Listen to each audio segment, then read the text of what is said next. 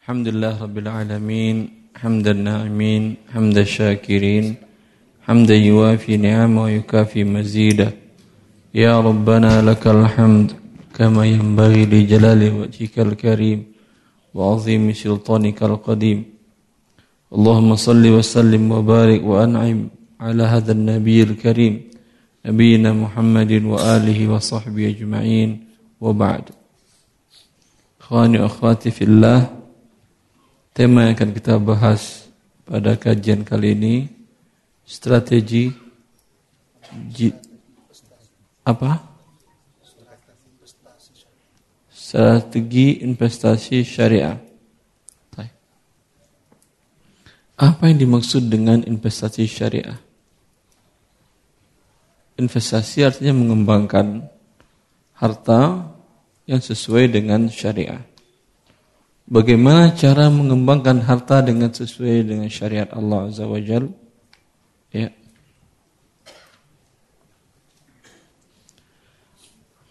Kalau yang diinginkan investasi akhirat, bagaimana caranya? Disedekahkan. Ya atau tidak? Hah?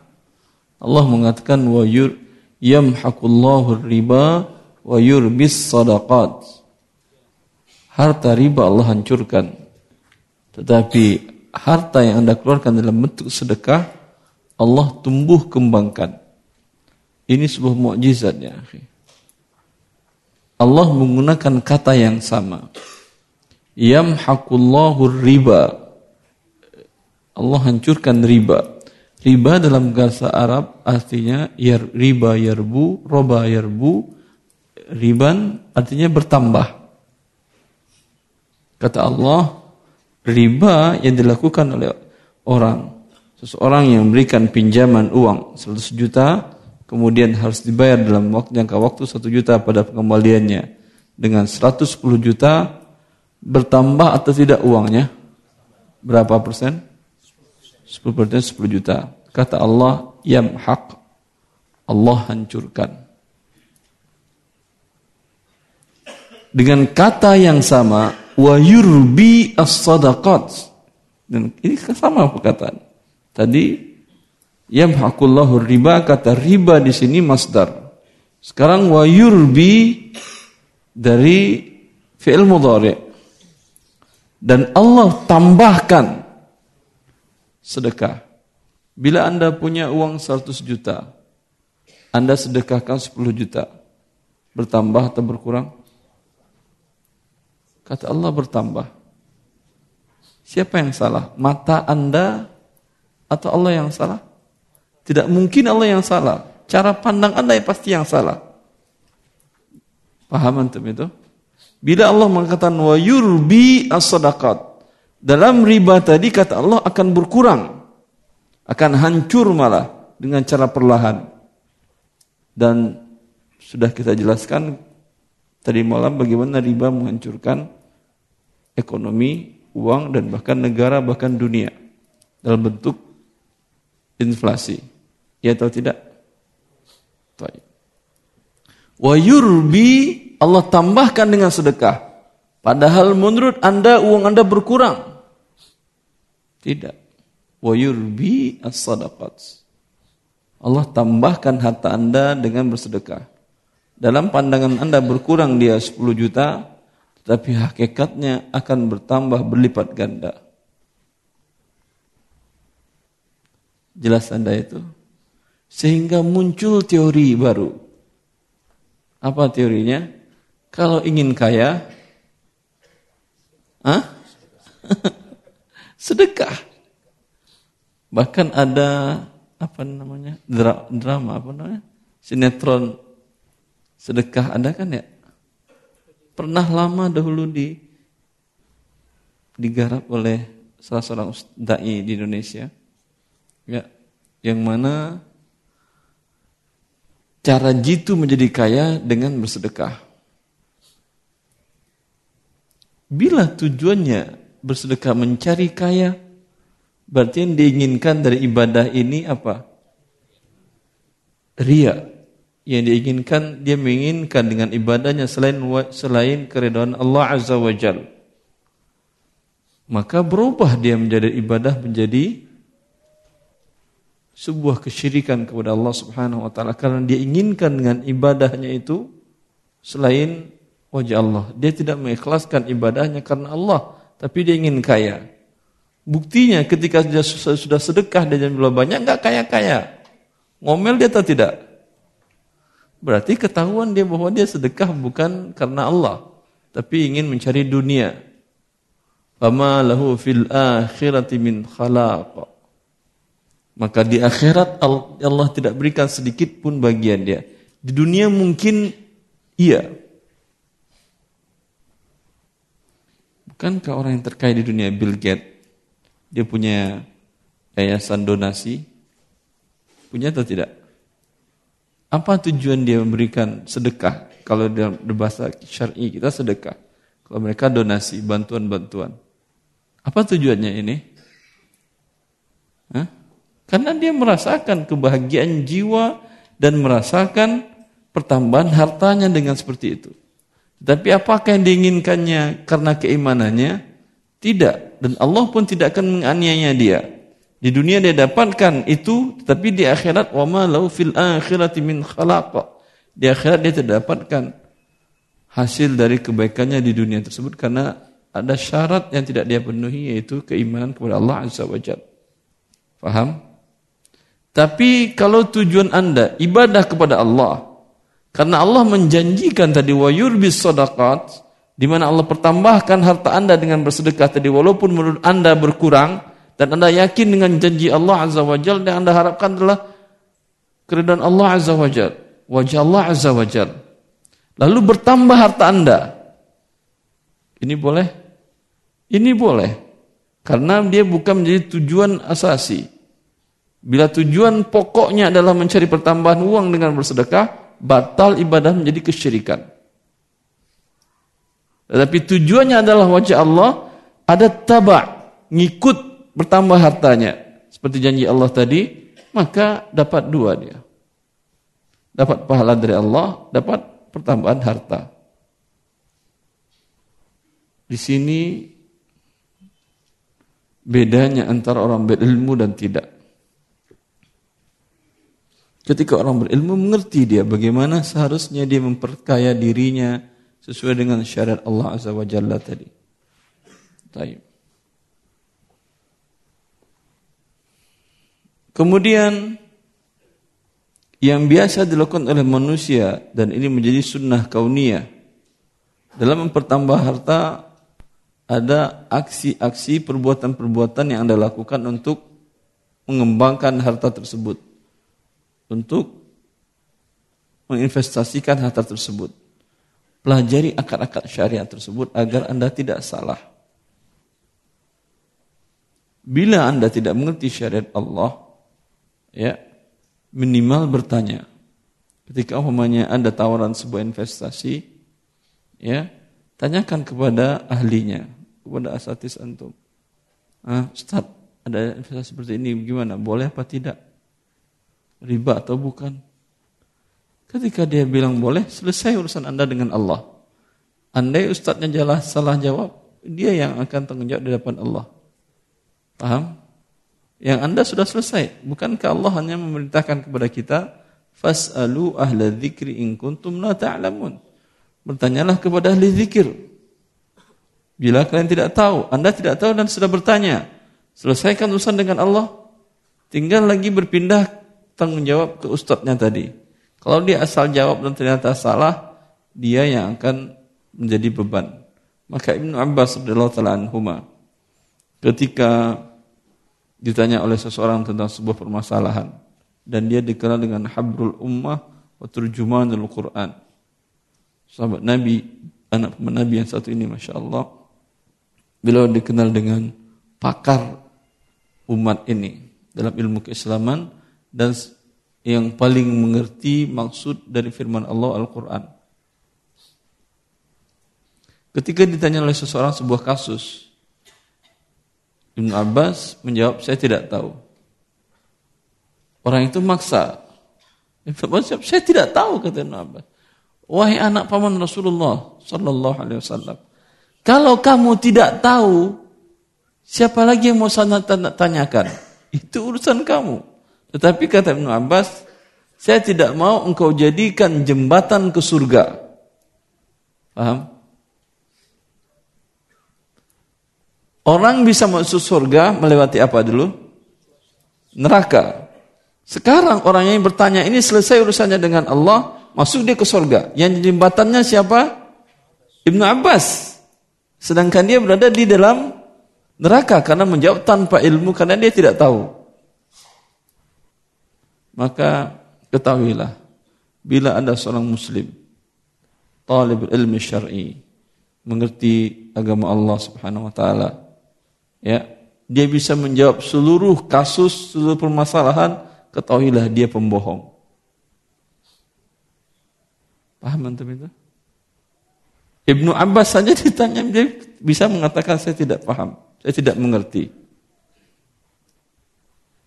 Bila ada orang semua kasus dia bisa jawab, masya Allah ini pembohong ini. Saya ingat dulu ada Profesor Dr. Abdurrahman bin Saleh Al Atram. Abdurrahman bin Saleh Al Atram, beliau bisa dikatakan pakar muamalat di di dunia Islam. Beliau lama menjadi dewan pakar syariah di Bangarajihi. Ya. Kemudian beliau bapaknya adalah Syekh Saleh Al-Atram adalah uh, bagian dari pernah menjadi anggota ulama besar kerajaan Saudi Arabia. Ya. Tetapi dalam sebuah kasus ketika dalam tanya jawab di program televisi Al-Majid waktu itu dilihat saya lihat Syekh ditanya tentang permasalahan sholat karena dia pikir mungkin masalah nggak terlalu pelik dia jawab kemudian di pertemuan de pekan depannya saya lihat dia mengatakan saya rujuk dari apa yang saya katakan pekan lalu. Setelah saya menjawab pertanyaan penanya ada salah seorang ikhwah kata Syekh ada salah seorang ulama yang mengingatkan saya jawabannya bukan begitu salah jawaban kamu. Yang betul begini saya rujuk lagi kata dia. Betul jawaban teman itu. Dan saya rujuk dari itu. Dan kata dia mulai dari sekarang saya tidak akan jawab pertanyaan kecuali permasalahan muamalat saja. Ini, ini pakar muamalat ya dan beliau doktor di ilmu fikih ya permasalahan sholat, ya bisa beliau tersalah. Sehingga ketika saya pulang ke Indonesia diminta oleh teman-teman di Roja TV dan Radio Roja di waktu itu untuk isi kajian, Anda bilang, Anda mau terima tanya jawab dari kaum muslimin, tapi dengan syarat saya hanya mau jawab tentang muamalat saja. Dan kajian saya dari dulu sampai sekarang pun fikih muamalat saja. Ya, Nggak ada orang yang bisa menjawab semua kasus, semua pertanyaan dalam masalah ilmu syari. Masalah talak cerai dia jawab juga. Masalah hubungan anak dengan orang tua dia jawab juga. Masalah tentang perbankan dia jawab juga. Masalah ekonomi juga dia jawab juga. Kemudian masalah negara pun ngomong juga. Hah? Nggak ada manusia seperti ini. Tapi yang maka seperti saya katakan tadi, ya hendaklah bertanya kepada ahlinya. Sampai di mana kita tadi? Hah?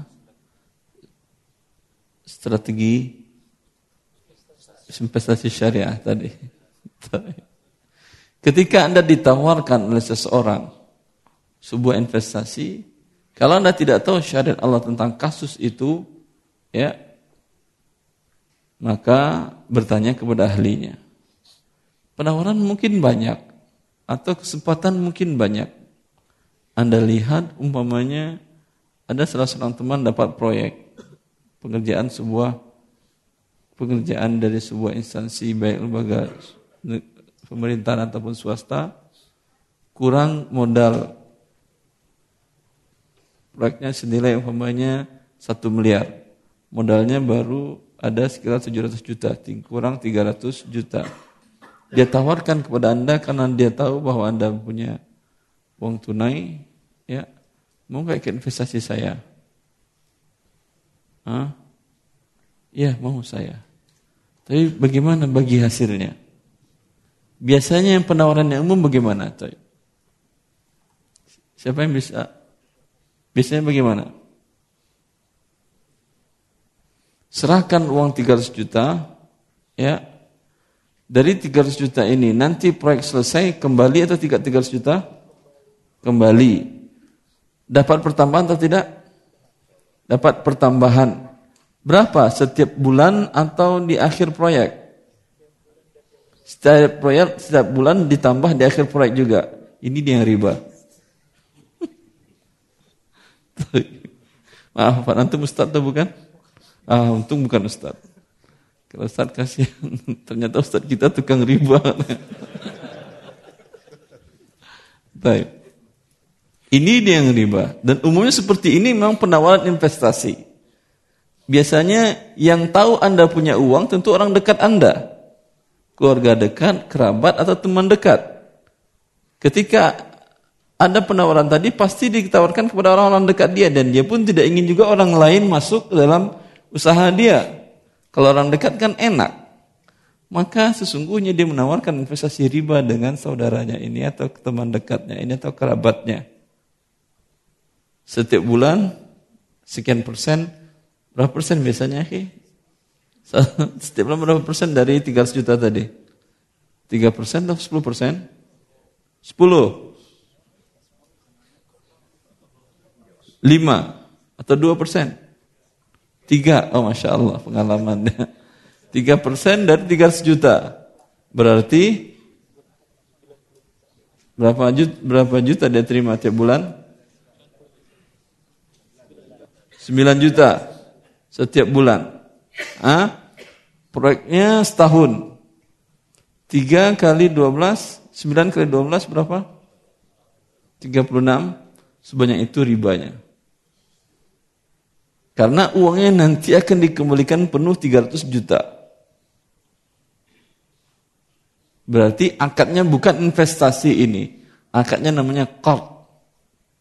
Pinjam uang 300 juta, dibayar 300 juta, ambil bunganya di depan 9 juta per bulan selama setahun, selesai proyeknya, dapatlah riba 36 juta.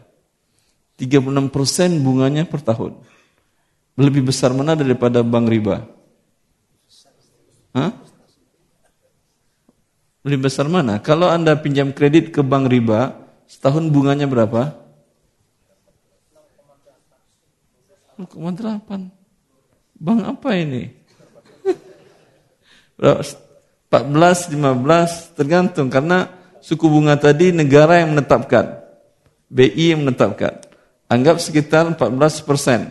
Cuman dari 100 juta tadi, dari berapa dari 300 juta cuma 14 persen setahun kalau ini 3 persen per bulan kali setahun 36 persen dia mengaku syariah tetapi ribanya lebih besar daripada riba bank riba jelas tuh kenapa terjadi seperti ini karena dia tidak mengerti syariat Allah Azza wa Tapi kalau sebelum dia melakukan tadi, dia bertanya kepada ahlinya, Ustaz, ada yang saudara saya nawarin investasi seperti ini. Dia dapat proyek dengan nilai satu miliar pengerjaannya. Dia baru ada uang 700 juta. 300 juta dia minta saya nanam modal di dia.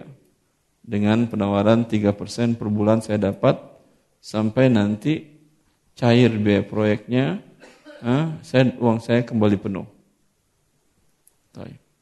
Sehingga dijawab oleh ustadznya. Ini riba ya akhi. Itu kalau riba gimana ustadz agak syar'inya? Ya atau tidak? Itu yang penting. Pertama tahu riba. Saya tinggalkan ustadz. Tapi ada nggak solusi syar'inya agar bisa membantu teman dekat ini atau saudara juga atau ipar karena nggak enak juga saya Ustaz. Kan daripada uang saya masuk ke bank lebih baik membantu saudara sendiri. Ada dua solusi, cukup dua atau tiga. Solusi pertama, Anda serahkan uang 300 juta, Anda katakan kepada dia, saya tidak mau pertambahan dari uang ini. Wah nggak enak saya, karena saya bisnis, kata dia kan ya. Ya, karena saya tidak akan mau menerima resiko. 300 juta Anda terima hari ini, selesai proyek Anda, kembalikan uang saya 300 juta, tanpa pertambahan. Ya udah, kata dia. Selesai? Tapi Anda usaha Anda untung ataupun rugi, tahun depan bayar uang saya 300 juta. Pas. Tanpa ada persyaratan berlebih. Ketika setelah selesai proyeknya, Alhamdulillah dibayar oleh pemberi pekerjaan umpamanya dengan nilai 2 miliar atau 1,5 atau berapa, enggak umpamanya 2 miliar. Ya berarti untung 100% kan ya.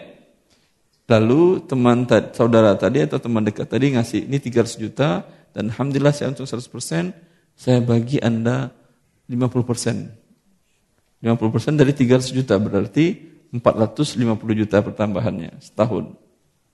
Hah? Kan besar ini ya. Halal atau tidak? Halal atau tidak? Halal atau tidak? Pinjaman akadnya loh.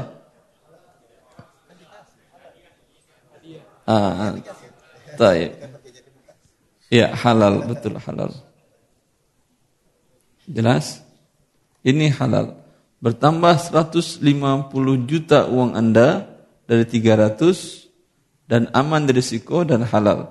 Tapi kalau ketika dia rugi usahanya dia, ya, karena satu dan lain hal, sehingga uang Anda tetap dikembalikannya 300 juta dan tanpa memberikan pertambahan satu sen pun juga halal. Anda rela? Kok ketawa? Rela itu ketawa jawabannya. Ikhlas, ikhlas, harus ikhlas. Kalau Anda ngomong minta segala macam, ini dia riba. Tapi kalau dia berikan se, seberapa dia ingin, terserah, halal. Jangan tidak ada persyaratan di awal. Ini namanya akadnya kor, pinjaman. Karena Anda tidak mau kerugian. Tapi tadi kan dapatnya kecil. Mungkin dapatnya kecil, mungkin tidak dapat pertambahan. Ya atau tidak? Hah? Anda ingin uang Anda diputar oleh saudara ini juga dan ingin pertambahan yang besar juga. Bagaimana caranya? Masuk akad mudorobah. Anda mengatakan, saya nggak ikut mengelola, saya nggak ngerti bidang yang Anda geluti ini, IT. Namanya, saya nggak ngerti sama sekali IT. Saya serahkan 300 juta ini kepada Anda, tapi sebagai saham di perusahaan Anda. Tolong hitung berapa dia mengatakan tadi sudah ada uang cash 700 juta. Ada aset lain atau tidak? Atau dia mengatakan per proyek aja kita mudorobahnya. Untuk 300 juta ini modal saya 700, modalnya 300. Berarti 30-70 persen. Ya. Ketika untung berarti 30-70. Paham? Ketika rugi juga 30-70. Ternyata seperti tadi, proyeksi keuntungan 100% menjadi 2 miliar. Berarti dari 300 dapatnya berapa? Dapat 300 menjadi 600. Tadi kan cuma 150 pertambahannya. Sekarang 300 pertambahannya. Besar atau tidak pertambahannya? Halal atau tidak? Dengan syarat ketika rugi juga porsi modal. Apa artinya sekitar kursi modal? Ternyata dari 100 miliar tadi proyek sudah jadi, segala, sudah keluar uang cash 900 juta, tapi kemudian si pemberi kerja menghilang. Rugi berarti berapa? 900 juta. Kerugian dari uang 300 juta menjadi 300 dikelas 90 persen jadi berapa dia? 30 juta. Hah? Berapa? 300 juta, kerugiannya 50 persen, jadi berapa dia? Tinggal 270 dari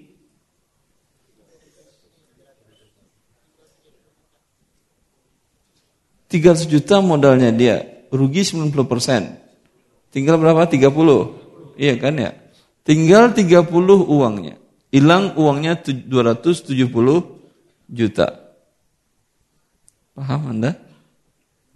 Kalau tadi risiko tidak ada.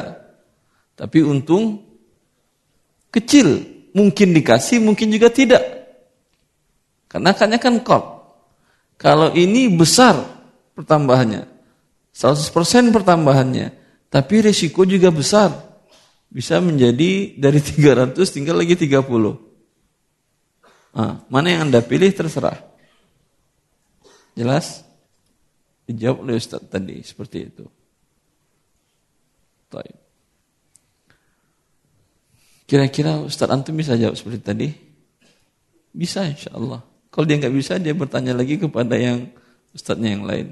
Ini ada yang jamaah bertanya gini, gimana solusinya ya? Yang penting dalam berbisnis tadi adalah solusinya bagaimana?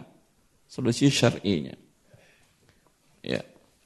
Ini bisa setelah Anda Anda pun bisa sendiri untuk kasus-kasus yang umum bisa Anda menentukan. Kasus-kasus yang umum ada ada pelatihan-pelatihan yang kita buat dengan teman-teman di ETA, di Television Associate for Sharia Consulting untuk akad-akad syariah tersebut ada standar operasionalnya, ada SOP-nya yang dikeluarkan oleh AUV. Kemudian ada juga bahkan standar akuntansinya juga ada. Ya, dengan demikian bisa Anda membuat usaha Anda menjadi sesuai syariat Allah Azza wa Jalla. Tapi bila nanti ada kasus menurut Anda tidak ditemukan dalam dalam pelatihan-pelatihan tersebut baru bertanya kepada ahlinya. Tapi sudah tidak semuanya bertanya ke Ustadz. Belum mulai usaha, Ustadz nih gimana? Ustadz nih gimana? Ustadz nih gimana? Ya untung kalau diangkat telepon antum. Kalau tidak, nggak bakal selesai usaha Anda jadi. Kalau Anda berani melakukan tanpa bertanya terlebih dahulu, resikonya berat. Bertobatnya berat. Ada salah seorang ikhwah yang dia punya tiga ruko di pasar Senen induk pasar induk untuk jam tangan se-Indonesia. Dia memulai usahanya dari kaki lima. Sudah sampai punya tiga ruko. Kemudian dia mendengar salah satu ceramah saya di Radio Roja tentang permasalahan barang KW. Ya. Dan dia yakin akan haramnya setelah penjelasan kajian tersebut. Lalu dia bertanya langsung ke saya, Ustaz, sekarang saya bertobat Ustaz. Saya terlanjur memulai bisnis dari kaki lima sampai punya tiga ruko pasar Senen ini. Ya, Bagaimana saya menghit saya kalau ingin bertobat caranya Ustaz? Ini karena saya menjual barang KW. Saya katakan, Anda menjual barang KW atau ada juga yang ori? Ada juga yang ori Ustaz, tapi yang paling besar pendapatannya dari KW. Perkirakan berapa persen? Sekian persen berarti Ustaz. Saya katakan, keuntungan dari barang KW itu tidak halal satu sen pun buat Anda. Itu milik pemilik barang brand yang ori. Jelas? Maka seluruhnya keluarkan berikan kepada pemilik merek yang aslinya. Gak mungkin saya carinya Ustaz. Ya kalau nggak mungkin berikan ke fakir miskin. Tapi hitung dulu dari berapa persen kekayaan Anda sekarang yang dari pertambahan yang bisnis yang ori tadi. Dia hitung-hitung, dia hitung-hitung. Tahu Anda angka yang keluar berapa? 5 miliar rupiah. Sekarang mau bertaubat. Tapi kata dia, lemas. 55 rupiah. Berapa hektar dapat tanah di Banjarmasin? Dapat berapa berapa kapal dapat naik? Dapat 10 kapal. Dia sekarang mau bertaubat. Mau diserahkan, mau dikeluar dilepas dari harta asetnya dia senilai itu. Karena Alhamdulillah Allah telah berinya hidayah dan dia bertekad. Dia hitung-hitung, hitung-hitung, dia bilang saya, Ustaz, saya punya rumah, di Rawamangun, saya hitung nilai pasarnya sekarang sampai 5 miliar. Ini mau saya lepas. Saya ingin bertobat.